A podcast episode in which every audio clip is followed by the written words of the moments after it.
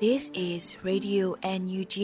the voice of National Unity Government of Myanmar, broadcasting for Myanmar Spring Revolution. Radio NUG is transmitting from shortwave 16 meter 17.79 megahertz at 8:30 a.m. and 25 meter 11.94 megahertz at 8:30 p.m. Myanmar Standard Time. မင်္ဂလာပါရှင်။အမျိုးသားညီညွတ်ရေးအစိုးရရဲ့အတန်လွတ်ဌာန Radio NUG ကိုမန္တပိုင်း၈နိုင်ခွဲမှာလိုင်းတူ6မီတာ19.3ခွန်ကုန်းမဂါဟတ်စ်နဲ့ညပိုင်း၈နိုင်ခွဲမှာလိုင်းတူ25မီတာ17.3ကိုလီမဂါဟတ်စ်တို့မှာဓာတ်ရိုက်ဖမ်းယူနားဆင်နိုင်ပါပြီရှင်။မင်္ဂလာအပေါင်းနဲ့ပြည့်စုံကြပါစေ။အခုချိန်ကစပြီး Radio NUG စီစဉ်လေးကိုဓာတ်ရိုက်အတန်လွှင့်ပေးနေပါပြီ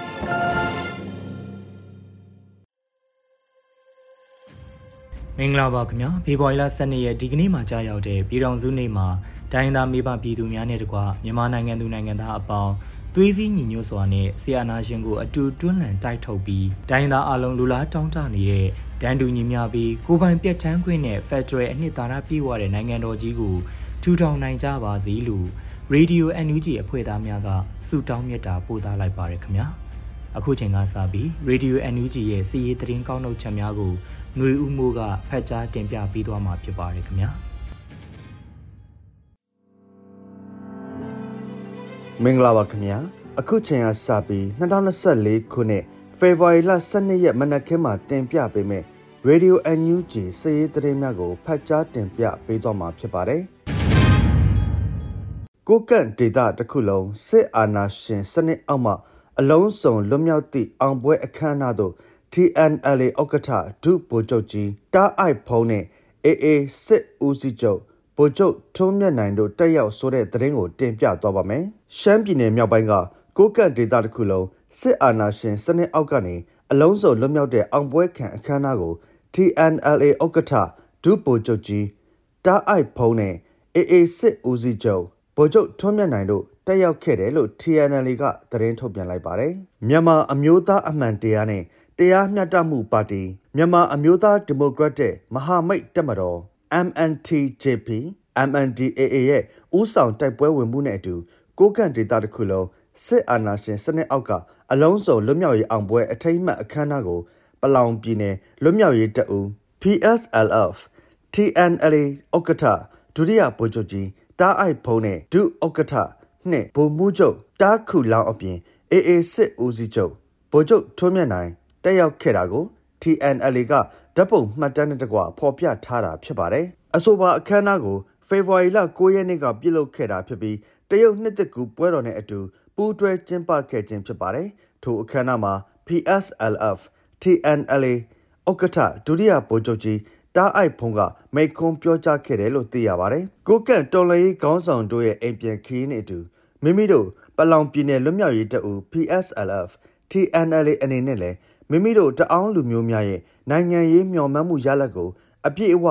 မဟုတ်တဲ့တိုင်အများစုကတော့တအောင်းမိဘပြည်သူရဲ့အိမ်မက်အားအကောင့်ထဲပေါ်ပေးနိုင်ခဲ့ပြီလို့ TNLA ဥက္ကဋ္ဌကပြောကြားခဲ့ပါတယ်။ထို့အပြင်ကိုကန့်ဒေတာလွတ်မြောက်ရေးတိုက်ပွဲကာလမှာ PSLF TNLA တပ်ဖွဲ့အနေနဲ့ညီနောင်မဟာမိတ်တွေနဲ့အတူဝန်းရံတိုက်ပွဲဝင်နိုင်ခြင်းဟာ မဟာမိတ်သွေးစည်းညီညွတ်မှုကိုတက်တည်ပြခြင်းဖြစ်ပြီးအမျိုးသားနိုင်ငံရေးပန်းနိုင်ခရီးရောက်ဖို့မလျှော့သောဆွဲပြက်ပြက်ခြင်းမရှိတဲ့ခံယူချက်ယုံကြည်ချက်တွေနဲ့မဟာမိတ်တွေကြားနားလည်မှုရှိရှိဆက်လက်တိုက်ပွဲဝင်သွားကြဖို့လဲတိုက်တွန်းပြောကြားခဲ့ပါတယ်။အဆိုပါအခမ်းအနားသို့ TNLA ဥက္ကဋ္ဌ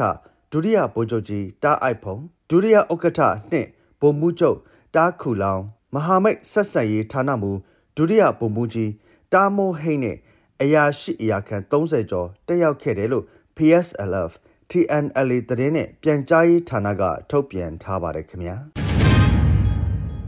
ကြားပြူစစ်ကြောင်း Justice Soldiers PDF အဖွဲ့မှတင်နန်းသားများအားစစ်စစ်ခေါ်ယူလျက်ရှိဆိုတဲ့သတင်းကိုတင်ပြတော့ပါမယ်ကြားပြူစစ်ကြောင်း Justice Soldier PDF အဖွဲ့မှတင်နန်းသားများအားစစ်စစ်ခေါ်ယူလျက်ရှိတယ်လို့ February 17ရက်မှာ Justice Soldier PDF အဖွဲ့ကတရားဝင်အသိပေးဆိုပါတယ်တင်နန်းသား ရှောက်ထားလိုပါကအသက်18နှစ်မှ35နှစ်အတွင်းရှိသူကျမ်းမာရေးကောင်းမွန်သူတော်လန်ရေးကိုစိတ်ပါဝင်စားသူတော်လန်ရေးပြီးဆုံးသည့်အထိတာဝန်ထမ်းဆောင်နိုင်သူအထက်ကပေးရသောတာဝန်နဲ့အမိန့်ကိုတိကျတေချာစွာလိုက်နာနိုင်သူအိမ်တော်မရှိသူဖြစ်ရမယ်လို့သတ်မှတ်ထားပါတယ်။စီကံချက်များကိုလိုက်နာနိုင်ပါက Justice Soldier PDF အဖွဲ့ Page Messenger တွင်လာရောက်ရှောက်ထားနိုင်ပြီဖြစ်ပါတယ်ခင်ဗျာစစ်တောင်းတရားတစ်ကိန်းနဲ့ မုတ်ပလင်လန်းဆောင်ရဲကိတ်တို့ကို drone ဖြင့်ပုံသီးချတိုက်ခိုက်ဆိုတဲ့သတင်းကိုတင်ပြသွားပါမယ်။မွန်ပြည်နယ်ကြိုက်ထုံမြို့နယ်ရှိစစ်တောင်းတရားတစ်ကိန်းနဲ့မုတ်ပလင်လန်းဆောင်ရဲကိတ်တို့ကိုတော်လရေးပူးပေါင်းတပ်ဖွဲ့က drone ဖြင့်ပုံသီးချတိုက်ခိုက်ခဲ့တယ်လို့ကြိုက်ထိုတော်လိုင်းအင်အားစု KRF ကထုတ်ပြန်ထားပါတယ်။ဖေဖော်ဝါရီလ17ရက်နေ့မနက်10:40မိနစ်နဲ့17နာရီကြာမှာစစ်တောင်းတရားသိဂိတ်ကို2ကြိမ်မုတ်ပလင်လန်းဆောင်ရဲဂိတ်ကို1ကြိမ် drone ဖြင့် ဘုံတိချတက်ခတ်ခဲ့တာဖြစ်ပါတယ်။ drone 3စီးနဲ့စစ်တောင်းတရားတက်ဂိတ်ကို2စီးမုတ်ပလင်လန်းဆောင်ဂိတ်ကို1စီးဘုံတိကျဲချခဲ့ပါတယ်လို့ KRF ပြန်ကြားရေးတာဝန်ရှိသူကပြောပြပါတယ်။အဆိုပါတက်ခတ်မှုတွင်စစ်ကောင်စီတပ်မှထိခိုက်ဒေဆုံးမှုကိုစုံစမ်းနေဆဲဖြစ်ပြီးပူပေါင်းတော်လှန်ရေးတပ်ဖွဲ့မှရဲဘော်များအထိအခိုက်မရှိပြည်လဲဆုတ်ခွာနိုင်ခဲ့တယ်လို့ KRF ကအသိပေးထားပါတယ်။အဆိုပါစစ်စင်ရေးကို KNU KNLA RAF Iron Adventure Force ကဝပကဖ Drone Team Indigo ပကဖ Drone Team ရန်ကုန်မြောက်ပိုင်းခရိုင်ပကဖ Drone Team ကြိုက်ထိုတော်လိုင်းအင်အားစု KRF နဲ့ကြိုက်ထိုပကဖတို့ကပူးပေါင်းလှုပ်ဆောင်ခဲ့တာဖြစ်ပါတယ်ခင်ဗျာတမူးခရိုင်အောင်စေရစစ်ကောင်စီစကန်ကိုဒေသကာကွယ်ရေးပူးပေါင်းတပ်မှထပ်မံသိမ့်ပိုက်ဆိုတဲ့သတင်းကိုတင်ပြသွားပါမယ်။စကိုင်းတိုင်းတမူးခရိုင်မြို့တစ်မြို့နယ်အောင်စရကျွော်မှာတက်ဆွဲထားတဲ့စစ်ကောင်စီတပ်စခန်းကို တော်လှန်ရေးမဟာမိတ်တပ်ပေါင်းစုမှဒုတိယအကြိမ်တိုက်ခိုက်သိမ်းပိုက်နိုင်ခဲ့တယ်လို့ KNA ဘာမာတပ်ဖွဲ့ထံမှသိရပါဗျ။ဖေဖော်ဝါရီလ9ရက်နေ့ညနေ4နာရီမှာ၎င်းအောင်စရစစ်ကောင်စီစခန်းကိုထပ်မံတိုက်ခိုက်ခဲ့ကြတာဖြစ်ပြီး10ရက်နေ့ည9နာရီမှာစခန်းကိုအပိသက်ပြန်သိမ်းပိုက်နိုင်ခဲ့တာဖြစ်တယ်လို့ဆိုပါတယ်။အဆိုပါစခန်းကိုပြီးခဲ့တဲ့ဒီဇင်ဘာလ10ရက်နေ့ကလည်းတိုက်ခိုက်သိမ်းပိုက်နိုင်ခဲ့ပေမဲ့စစ်ကောင်စီရဲ့လေကြောင်းပစ်ကူများနဲ့ မြေပြင်စစ်အင်အားအလုံးအင်းဖြစ်ထိုးစစ်ဆင်တိုက်ခိုက်ခဲ့တာကြောင့်ပြန်လည်ဆုတ်ခွာပေးခဲ့ရတာဖြစ်တယ်လို့ပြောပြပါတယ်။တိုက်ပွဲနှစ်ရက်တာအတွင်းစစ်ကောင်စီဘက်က6ဦးသေဆုံးခဲ့က10ဦးခန့်ထိခိုက်ဒဏ်ရာရရှိခဲ့ပြီးရဟတ်ရင်နဲ့3ကြိမ် Jet Fighter နဲ့3ကြိမ်လေကြောင်းပစ်ကူတိုက်ခိုက်ခဲ့တာကြောင့်တော်လှန်ရေးပူးပေါင်းတပ်မှ၄ဦးမစွန့်ရင်ဒဏ်ရာရရှိခဲ့တယ်လို့သိရပါတယ်ခင်ဗျာ။ ဇေယကြီးမြို့တိုက်ပွဲစစ်ကောင်စီတပ်80ခန့်တေဆုံးဆိုတဲ့သတင်းကိုတင်ပြတော့ပါမယ်။ပဲခူးတိုင်းထန်းနယ်မြို့နယ်ဇေယကြီးမြို့ရှိစစ်ကောင်စီတပ်နဲ့ရဲစခန်းဂိတ်စခန်းနေရာများကိုကရင်အမျိုးသားလွတ်မြောက်ရေးတပ်မတော် KNL နဲ့ပြည်သူ့ကာကွယ်ရေးတပ် PDF ပူးပေါင်းတပ်များကတိုက်ခတ်ခဲ့ရာစစ်ကောင်စီတပ်ဘက်က80ဦးခန့်တေဆုံးခဲ့ပြီးပူးပေါင်းတပ်ဖက်မှလည်းကြာဆုံးမှုရှိခဲ့ကြောင်းပြည်သူ့ကာကွယ်ရေးတပ်မတော် PDF တောင်ပိုင်းစစ်ဒေသအမှတ်2 စစ်ဒေသခွဲကထုတ်ပြန်ထားပါတယ်။အမတ်နဲ့စစ်ဒေသခွဲစစ်တောင်းမြဝန်းစစ်စင်ရေးအစီအမံဖြစ်ဆောင်ရွက်သောဖားစီဟိန်းတန်နဲ့ဆမ်မွန်ပူးပေါင်းစစ်စင်ရေးကိုဖေဖော်ဝါရီလ9ရက်မှာစတင်ခဲ့တာဖြစ်တယ်လို့သိရပါတယ်။စစ်စင်ရေးတွင်စစ်ကောင်စီတပ်၏ထောက်ပို့လမ်းကြောင်းဖြစ်တောက်ခြင်းစစ်ကောင်စီ၏အုပ်ချုပ်ရေးရန်ရာအင်အားချိနဲ့စင်ရန်ဆောင်ရွက်ခြင်းတို့ပြုလုပ်ခဲ့ပြီးမြို့ဆိုးတရားရန်တုဂိတ်စခန်းအားဝင်ရောက်တိုက်ခိုက်ချေမှုန်းကတရားအားဖောက်ခွဲဖျက်တောက်နိုင်ခဲ့သလို စစ်ကောင်စီအ धिक ထောက်ပို့လမ်းကြောင်းပေါ်ရှိနှစ်တကူတရားနဲ့ရေကြီးချောင်းတရားရှိရန်သူခိတ်စကန်အားဝင်ရောက်တိုက်ခိုက်ချေမှုန်းခဲ့ပြီးနှစ်တကူတရားအားဖောက်ခွဲဖျက်တောက်နိုင်ခဲ့တယ်လို့အသိပေးထားပါတယ်။ဒါအပြင်ဇယက်ကြီးမြို့အခြေဆိုင်ခလာရခွန်သုံးတရင်အားဝင်ရောက်တိုက်ခိုက်ခဲ့ပြီးတရင်အတွင်းရှိစစ်ရေးအခြေခံအဆောက်အဦများအရေးကြီးစာရွက်စာတမ်းများနဲ့ခဲရဲများကိုတင်ဆက်ဖျက်ဆီးနိုင်ခဲ့ကြောင်းတရင်အတွင်းဝင်ရောက်ခဲ့သည့် ဓာတ်ပုံမှတ်တမ်းများနဲ့တကွဖော်ပြထားပါတယ်။စစ်ရေးအတွင်းစစ်ကောင်စီဘက်မှ80ဦးခန့်တိတ်ဆုံးခဲ့ပြီးအများအပြားထိခိုက်ဒဏ်ရာရှိခဲ့ကြောင်းပူပေါင်းတပ်မှလည်းကြာဆုံးထိခိုက်မှုဒဏ်ရာရရှိမှုအချို့ရှိခဲ့ကြောင်းသိရှိရပါတယ်ခင်ဗျာ။ဆက်လက်ပြီးအေအေသိမ့်ပိုက်ထားတဲ့ပလဝမြို့ကိုစစ်ကောင်စီမှလေကြောင်းတိုက်ခတ်ခဲ့ရာကလင်းငယ်တူတိတ်ဆုံးပြီးတအူးဒဏ်ရာရဆိုတဲ့သတင်းကိုတင်ပြတော့ပါမယ်။ရခိုင်တပ်တော် AA ကတိုက်ခိုက်သိမ်းပိုက်ထားတဲ့ချင်းပြည်နယ်ပလောဝမြို့ကို ဖေဖော်ဝါရီ17ရက်နေ့ညနေပိုင်းမှာစစ်ကောင်စီကလေကြောင်းတိုက်ခိုက်မှုပြုလုပ်ခဲ့ပြီးအယက်သားပြည်သူထိခိုက်ဒေဆုံးမှုရှိခဲ့တယ်လို့ AA ကအသိပေးထားပါတယ်။ဖေဖော်ဝါရီလ17ရက်ညနေပိုင်းမှာ Jet Fighter ဖြင့်နှစ်ကြိမ်လာရောက်ပုံကျဲတိုက်ခတ်ခဲ့ပြီးလေယာဉ်ပေါ်မှဆက်သက်နှက်ဖြင့်ပစ်ခတ်ခဲ့တာကြောင့်ကလေးငယ်တို့သေဆုံးပြီးတအူးထိခိုက်ဒဏ်ရာရှိခဲ့တယ်လို့ထုတ်ပြန်ထားပါတယ်။ဖေဖော်ဝါရီလ10ရက်နေ့ကလည်းစစ်ကောင်စီတပ်ကအေအေသိမ့်ပိုက်ထားတဲ့မင်းပြမြို့ကိုလေကြောင်းလက်နက်ကြီးရေကြောင်းတို့မှတိုက်ခတ်ခဲ့သေးတယ်လို့ ညီနောင်မဟာမိတ်သုံးဖွဲ့ကအသိပေးထားပါတယ်။ရခိုင်ဒေသစစ်စင်ရေးကိုနိုဝင်ဘာလ23ရက်နေ့တွင်စတင်ခဲ့ရာနှစ်လအကြာဇန်နဝါရီ14ရက်နေ့မှာပလောဝမြို့နယ်တစ်ခုလုံးကိုစတင်သိမ်းပိုက်နိုင်ခဲ့ပြီးမင်းပြကြောက်တော်မြောက်ဦးပေါတော်စတဲ့မြို့များနဲ့တရင်ဌာနချုပ်အများအပြားကိုအေအေကသိမ်းပိုက်နိုင်ခဲ့တာဖြစ်ပါတယ်။ရခိုင်ဒေသနဲ့ပလောဝဒေသတိုက်ပွဲများတွင်စစ်ရေးအရာအထိနာနေတဲ့စစ်ကောင်စီတပ်ကအရက်သားများကိုပြစ်မှတ်ထားတိုက်ခတ်မှုများပြုလုပ်နေပြီး ဒေသခံပြည်သူများစွာထိခိုက်တိတ်ဆုံးခဲ့ရတယ်လို့အေအေကထုတ်ပြန်ထားပါတယ်ခင်ဗျာအခုတင်ပြခဲ့တဲ့စစ်ရေးသတင်းတွေကို Radio NUG သတင်းထောက်မင်းတီဟန်ကိုခန့်နဲ့မင်းစစ်တို့တို့မှပေးပို့ထားတာဖြစ်ပါတယ်ကျွန်တော်ຫນွေဦးမိုးပါခင်ဗျာ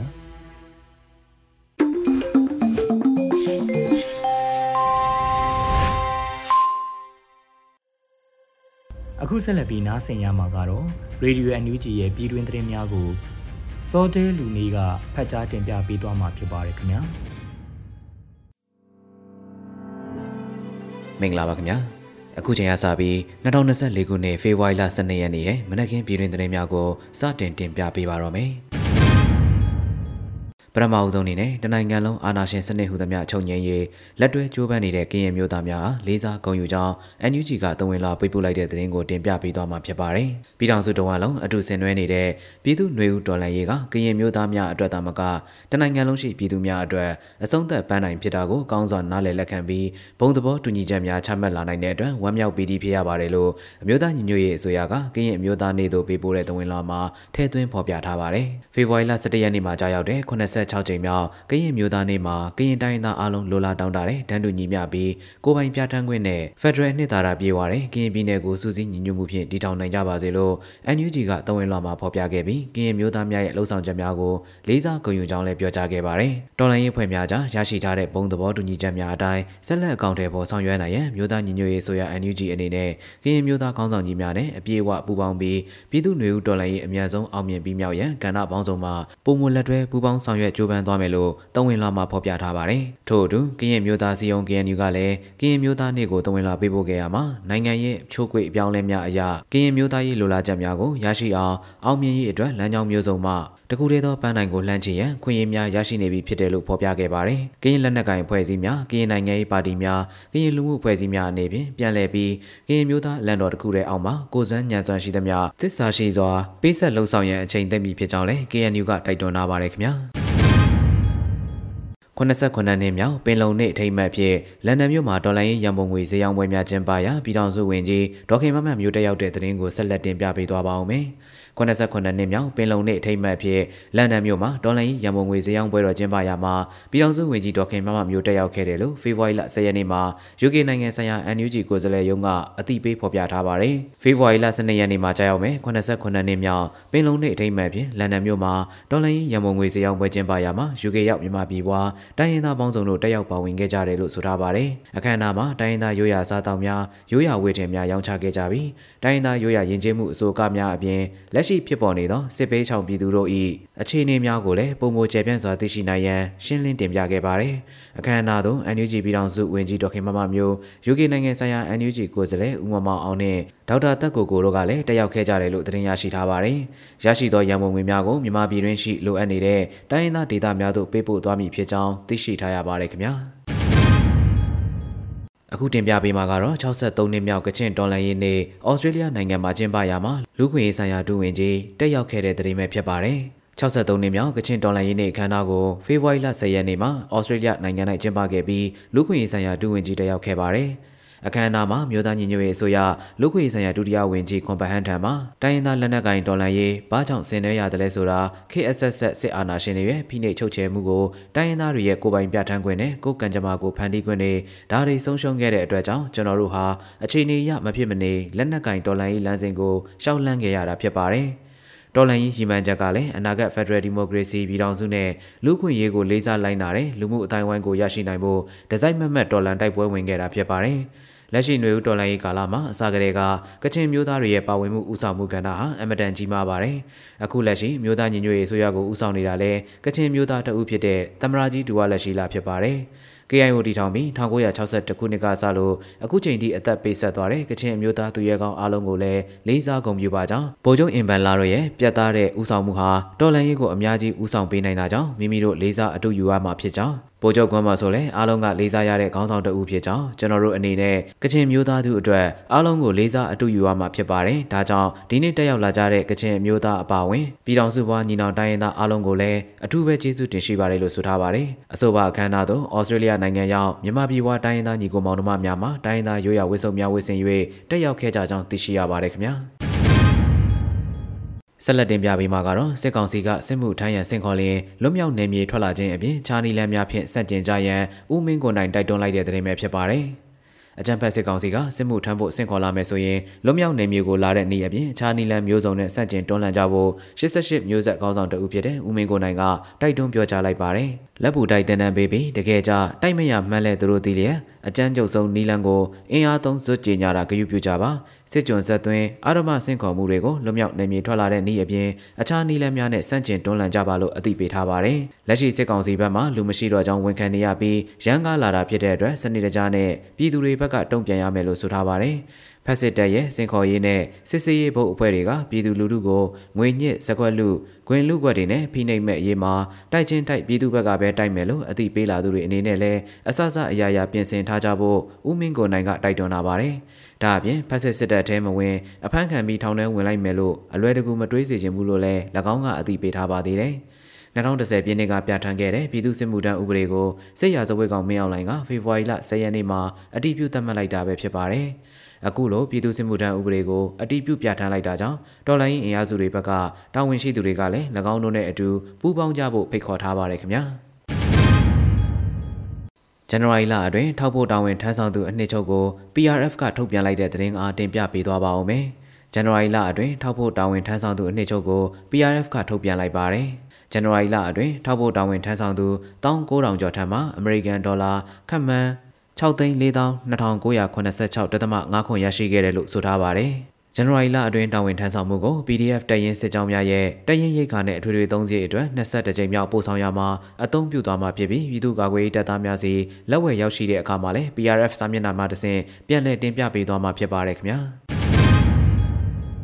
စစ်မှုထမ်းဥပဒေထုတ်ပြန်ပြီးနောက်စစ်တပ်ကလူငယ်များကိုဖမ်းဆီးခေါ်ဆောင်မှုများရှိနေတဲ့တဲ့ရင်ကိုဆက်လက်တင်ပြပေးသွားပါဦးမယ်။ အာဏာသိမ်းစစ်ကောင်စီကစစ်မှုထမ်းဥပဒေထုတ်ပြန်ပြီးနောက်စစ်ကောင်စီတပ်ဖွဲ့ဝင်တွေဟာလူငယ်တွေကိုဖမ်းဆီးမှုများရှိလာတယ်လို့ဒေတာတွင်သတင်းအရင်းမြစ်တွေကတစင်သိရှိရပါတယ်။ အာဏာသိမ်းစစ်ကောင်စီကစစ်မှုထမ်းဥပဒေထုတ်ပြန်ပြီး24နာရီတွင်သခိုင်းမြို့နယ်မှာခရီးသွားလူငယ်40ကျော်ဖမ်းဆီးခံရတဲ့ဆိုတဲ့သတင်းတွေလည်းထွက်ပေါ်လျက်ရှိပါတယ်။ဖေဖော်ဝါရီလ17ရက်နေ့မနက်ပိုင်းကသခိုင်းမြို့နယ်နက်ခရိုင်ကျေးရွာနဲ့လက်ကြီးကျေးရွာကြားမှာလူရင်းအား60ကျော်ရှိတဲ့စစ်ကောင်စီတပ်ဖွဲ့ကခရီးသွားတွေကိုစစ်ဆေးကအသက်18နှစ်ပြည့်ပြီးတဲ့လူငယ်တွေကိုဖမ်းဆီးခေါ်ဆောင်သွားတယ်လို့ဒေသခံတွေရဲ့ပြောကြားချက်ကိုကိုးကားပြီး People Spring မှာဖော်ပြထားပါတယ်။ဒါကြောင့်မုံရွာချောင်းဦးမြင်းမှုစကိုင်းလမ်းပိုင်းကိုအသုံးပြုသွားလာနေကြတဲ့ခီးသွွားမိဘပြည်သူများအနေနဲ့ကြေညာချက်ထုတ်ပြန်တဲ့အချိန်မှစပြီးဒီလမ်းပိုင်းကိုအရေးပေါ်တားမြစ်ပိတ်ပင်လိုက်တယ်လို့ကာကွယ်ရေးဖွဲ့များကိုစားမြင်းမှုမျိုးနယ်သတင်းမှန်ပြန်ကြားရေးကဖေဖော်ဝါရီလ17ရက်နေ့မနက်7:00နာရီဝန်းကျင်ချိန်မှာအသိပေးထုတ်ပြန်လိုက်ပါတယ်။အရေးပေါ်ကျန်းမာရေးကိစ္စကလွယ်ပြီးလုံးဝလုံးဝသွာလာအသုံးပြုခြင်းမလုပ်ကြဖို့လည်းမြစ်တာရက်ခံထားပါတယ်။အကြံဖက်စစ်ကောင်စီဟာ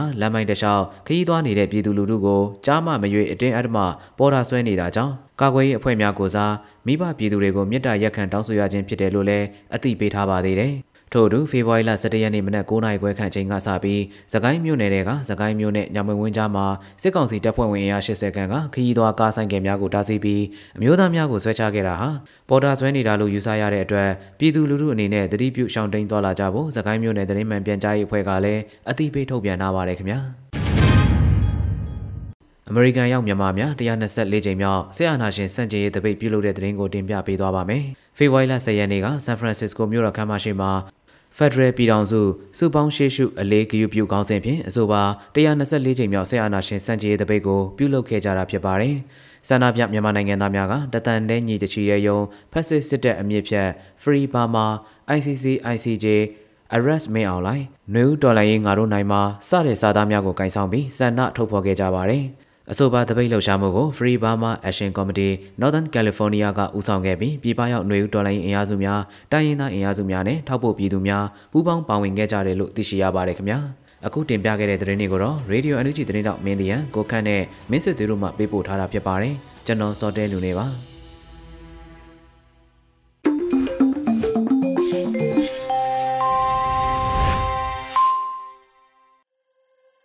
အခုဆက်လက်ပြီးနားဆင်ရမှာကတော့ တော်လန်ရေးကဗျာအနေနဲ့ကဗျာဆရာနေသွင်းနိုင်ရေးသားထားတဲ့မရေးဖြစ်တဲ့ကြဲအမိရတဲ့တော်လန်ရေးကဗျာကိုຫນွေဦးမှုကဖတ်ကြားတင်ပြပေးမှာဖြစ်ပါတယ်ခင်ဗျာမရေးဖြစ်တဲ့ကြဲတလောကလုံးကိုလိမ့်မှုပြီးရောက်လာတယ်နှလုံးသားလှသူကြားလေအုံးလက်မြင်လဲမစီးရထမ်းလက်မြင်လဲမစီးရရေစီးနဲ့မျောလာတဲ့တည့်ရငယ် ငယ်ရဲကပို့လာတဲ့ဒုက္ခတစ်ပင်အစည်းအခိုင်လိုက်ငါတက်တာဘူးတဲ့ကဖွဲဖွဲရရမရှိတဲ့တောကခြုံဆောင်စစ်မီးလောင်ပြင်မှာမျက်ရည်နဲ့ပိန်ဥစွပ်ပြုတ်ခွက်တဲ့ညချမ်းကိုထုစစ်တော့အလွမ်းကမီးတောင်ကြားပွင့်လာမင်းနာမည်အမေမဲ့ငါနာမည်အဖေမဲ့အမောင်ရောင်ပုံကျင်းနေသူလေးစာရေးတယ်တို့ ဖေဖေနဲ့မေမေခဲတံစတွေးစွဝလုံးကိုတရွတ်ဆွဲစဉ်လေရင်ဟာပြန်သွားတယ်နေသွင်းနိုင်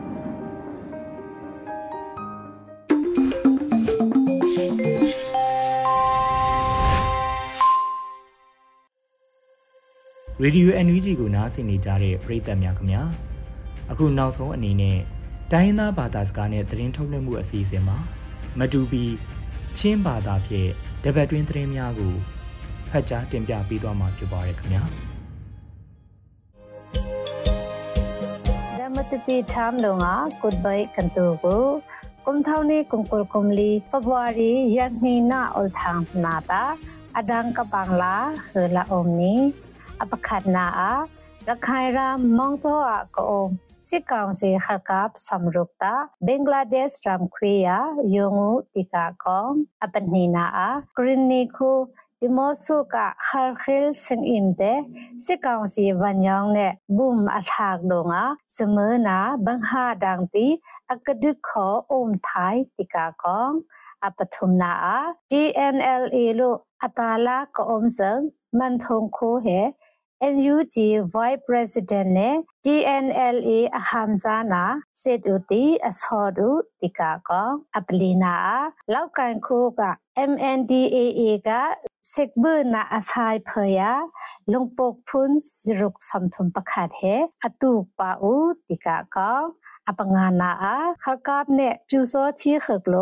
ဦးတိကာကောအပငါနာခကပ်နဲ့ပြူစောချီခကလို့ YDF ခလကပနိအဟင်လာမှာရအဟူ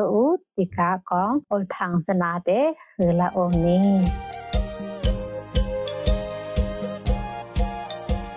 အပခတ်နာအာကုမ်ထောင်းနေကုမ်ကုလကုမ်လီဖဘဝ ရီနလီဝေငါရခိုင်ရမ်မောင်တော့ခိုဝေနာကုံကိုခလကပ်အုံနာစခန်တဲ့ရခိုင်ခလကပ်အေအေလိုအကာတိကိုခလကပ်အငန်တာဘင်္ဂလားဒေ့ရှ်ခိုခွေလာယုံငူတလာယากနာအို မောင်တော့ north east ဘေနာကုံကိုခလကပ်ကတောင်ပြူလက်ဝဲပြူဟာကုံတဲ့ဖဘဝရီနလီခနက်မင်ချန်ပထုံဝေငါရခိုင်ခလကပ်အေအေလိုအကာတလာမင်လာ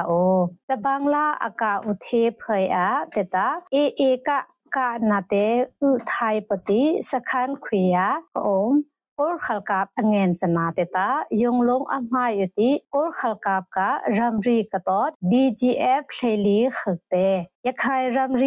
ဘင်္ဂလားအကာဥသေးဖွေအားတတအေအေကကနာတေဥထိုင်ပတိစခန်ခွေယာကုံကိုခလကပ်အငန်စနာ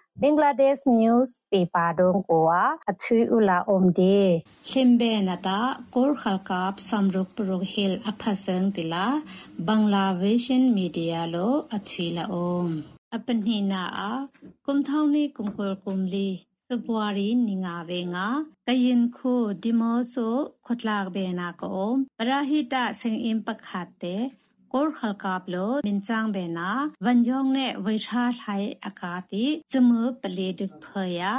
bangha kadang sana ne kadik ye tila khoka ko om thang sana tinglam kalo yak la om loinan pha khoka ko om sing im te min chang khanak lung ခေခတ်လမ်ကလိုပန်ယောင်နဲ့ဝိရှားထိုင်အကာတိလာယากလာအောင် တေကဒေါ်စီဤပရဟိတဆင်အေမှာခါလအခီတီကယုံစမထံယခတ်ထိုင်အောင်တီ ตังโชลามกะโลตังกวาหิลสะสังนะคือบึงมือละคอมพิวเตอร์ขอสังปุยนาเซงอิมลาโอ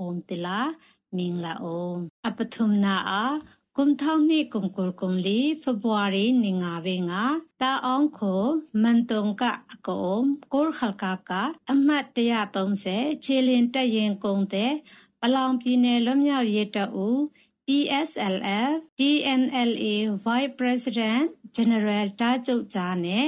General Secretary Major General တာဘုံကျော်လိုစစ်တီအစော်ဟွေကိုခလကပ်စခန်ခွီ အအုံဒန်အခောက်တန်တေအင်လူစနာတေဖေဗူအာရီနီထုမာ NUG Federal Ministry Deputy Minister မိုင်ဝင်းထူနဲ့ TPCC Secretary မိုင်းနိုင်ကောင်စားလို့မိုက်စစ်တီအစော့အလဲဟိုတီလာ PSLF TNLA new လို့အထွေလာအိုတိကစခန်းတေတာတာအောင်ခရက PSLF TNLA လို့ကုမ်ထောင်းနှိကုမ်ကုလကုမ်ထုံဒီဇမ်ဘာလာနိကုလနိနှိလေမေနာအကာတိအလူလာအုံဒုံငါမန်တုံခိုးတာ PSLF TNLA လို့အလို့ခိုးပလီနလာအိုအပလီနာအာကုမ်ထောင်းနိကုမ်ကုလကုမ်လီဖေဗူအာရီနေရူပင်ကရှန်နော့ကိုကန်ခိုလောက်ကန်ခမွန်စနာတဲ့ခုမ်ဘယ်နာအဆိုင်ဝင်က illegal lungpok haisa aphun jiruk som thum pakhat amhu u tila ko kan khalka MNDAA ka ol thang ka thui the ko ka nga February ninga ve nga achui akung pui ukna kho ka alenbik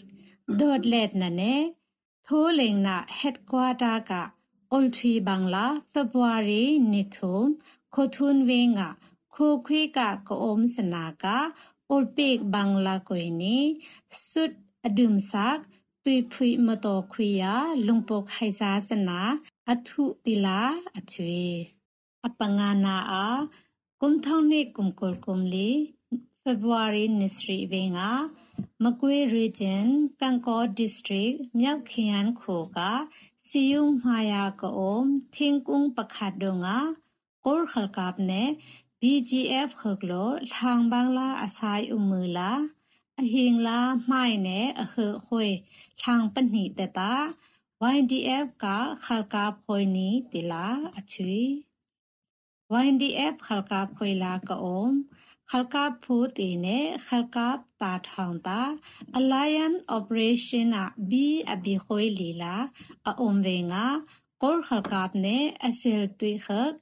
BGF สนากะหังอมอีปออเฮงละไม่อเหอโอยโคควิกะหังสนาเตประขาดเพยประขาดอคือติอสอดสากติลาอทวีดมตุปีทามอทางเอ NUG Radio ดงลงอะขอ Direct นตุนอุทัยเซิง Radio เนนตุนกังไงขึตาโคโคกะตือ ยาตะกุมจอนิขัดเมนจังขนกเรเลเชวาทาลาโอเรดิโอดงลงอานาตุนกังไงลงตา16 meter 17.79 megahertz ดงลงอาขอนาตุนอุทัยเซิงดัมตุปีทามอลทากันนาตุนขกเบสวาตัลลาอองไงนากะคือมาตูมีพูนก